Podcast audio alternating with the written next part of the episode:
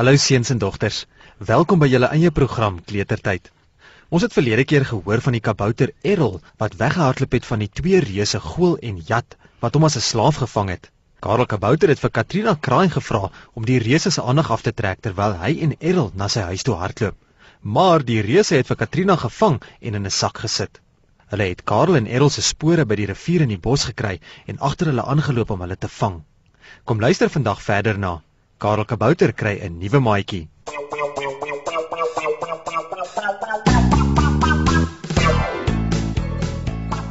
Katrina kraai skop en skree in die sak wat om Jat die reus se skouer hang.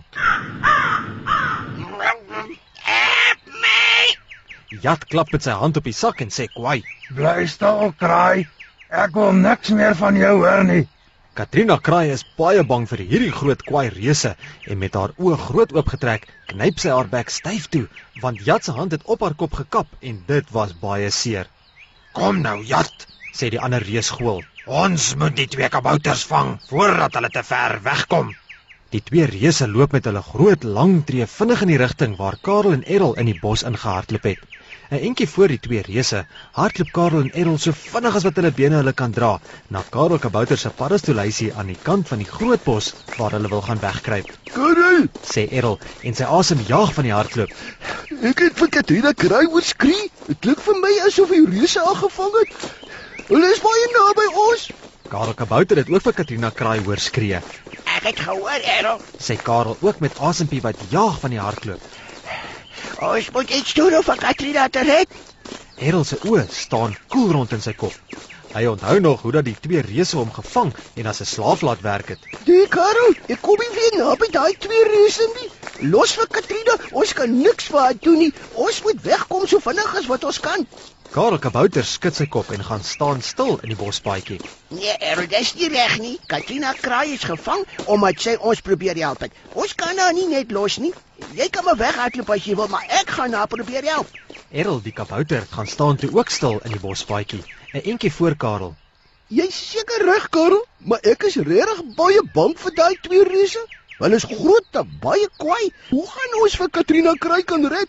Die twee reuse, Goel en Jat, loop met hulle lang tree in die bospaadjie af in die rigting waarheen hulle Karel en Errol se spore sien gaan het. Jat, sê Goel. Ek verbeel my ek hoor stemme 'n entjie voor ons. Dit is dalk daai twee kabouters waarna ons soek.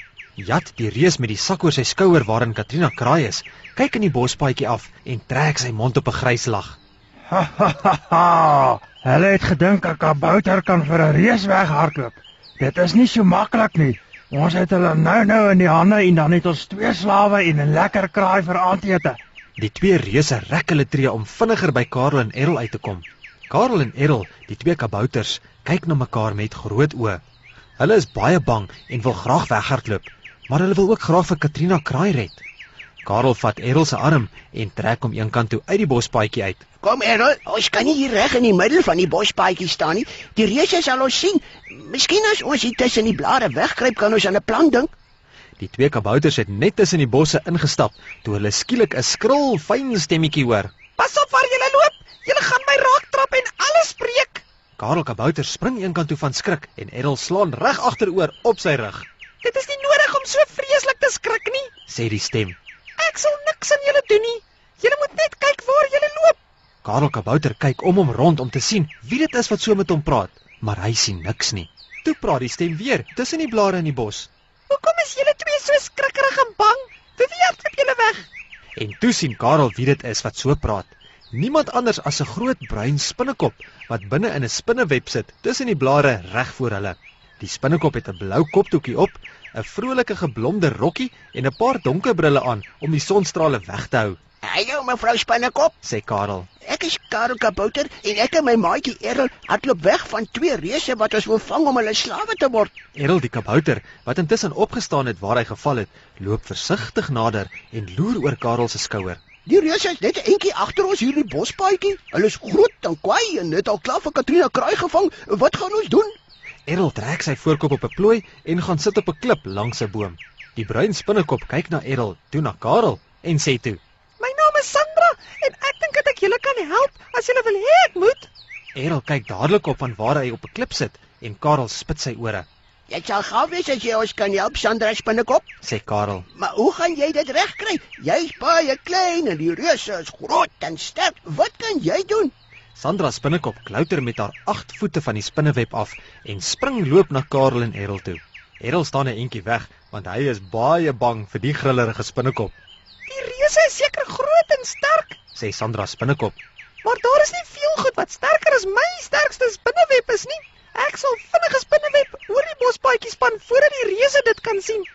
As hulle dan hier verbykom, loop hulle in die spinneweb vas en dan vang ons hulle en nie hulle vir julle nie. Sandra Spinnekop staan met twee van haar 8 arms in haar sye en kyk na Karel en Errol om te hoor wat hulle van haar plan dink. Karel Kabouter haal sy rooi skerppunt hoedjie van sy kop af, vryf oor sy hare, kyk na Errol en sê toe: Ek dink dit kan werk, Sandra.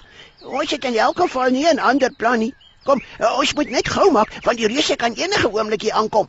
Sandra Spinnekop draai om, wink vir die twee kabouters om saam te kom en hardloop vinnig op haar baie bene na die bospaadjie toe. En toe, amper vinniger as wat Karel en Errol se oë kan volg, spin Sandra Spinnekop 'n groot spinnerak tussen twee groot bome wat weerskante van die bospaadjie staan. Heen en weer hardloop sy tussen die bome, klouter hier op 'n spinnedraad en daar op 'n tak en dit was nie hoe te lank nie of die hele spinnerak is klaar.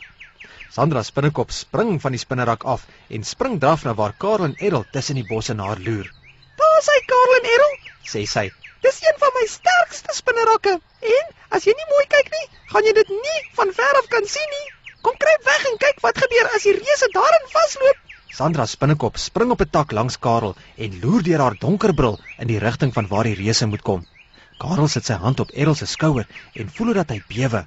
Hy bly maar bang vir die twee reuse, As die reuse in die spinnerak vassit, Errol, sê hy saggies. sal ek vinnig hardloop om vir Katrina Kraai te gaan help loskom.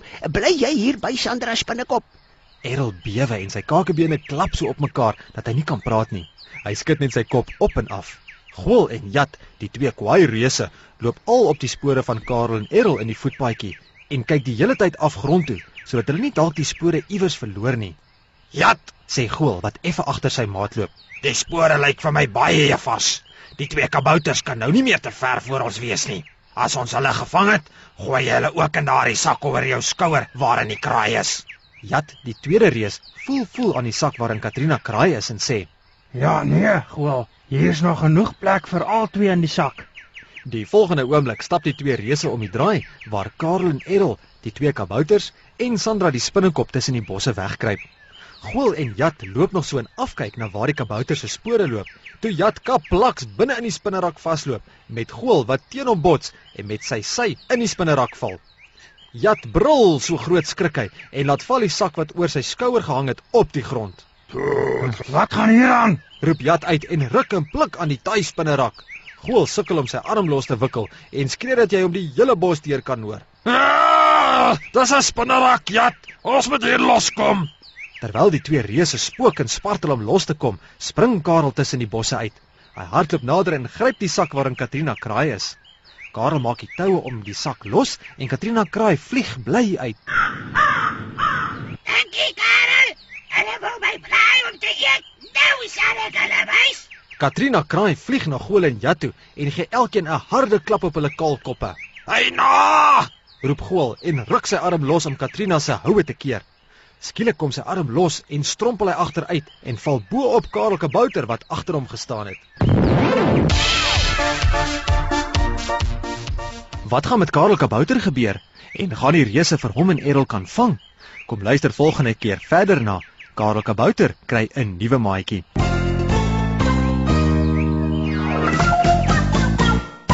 Liewe maats, elkeen van ons het talente van die Here gekry om te gebruik.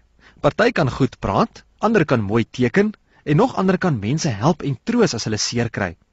Ons lees in 1 Korintiërs 12 vers 7.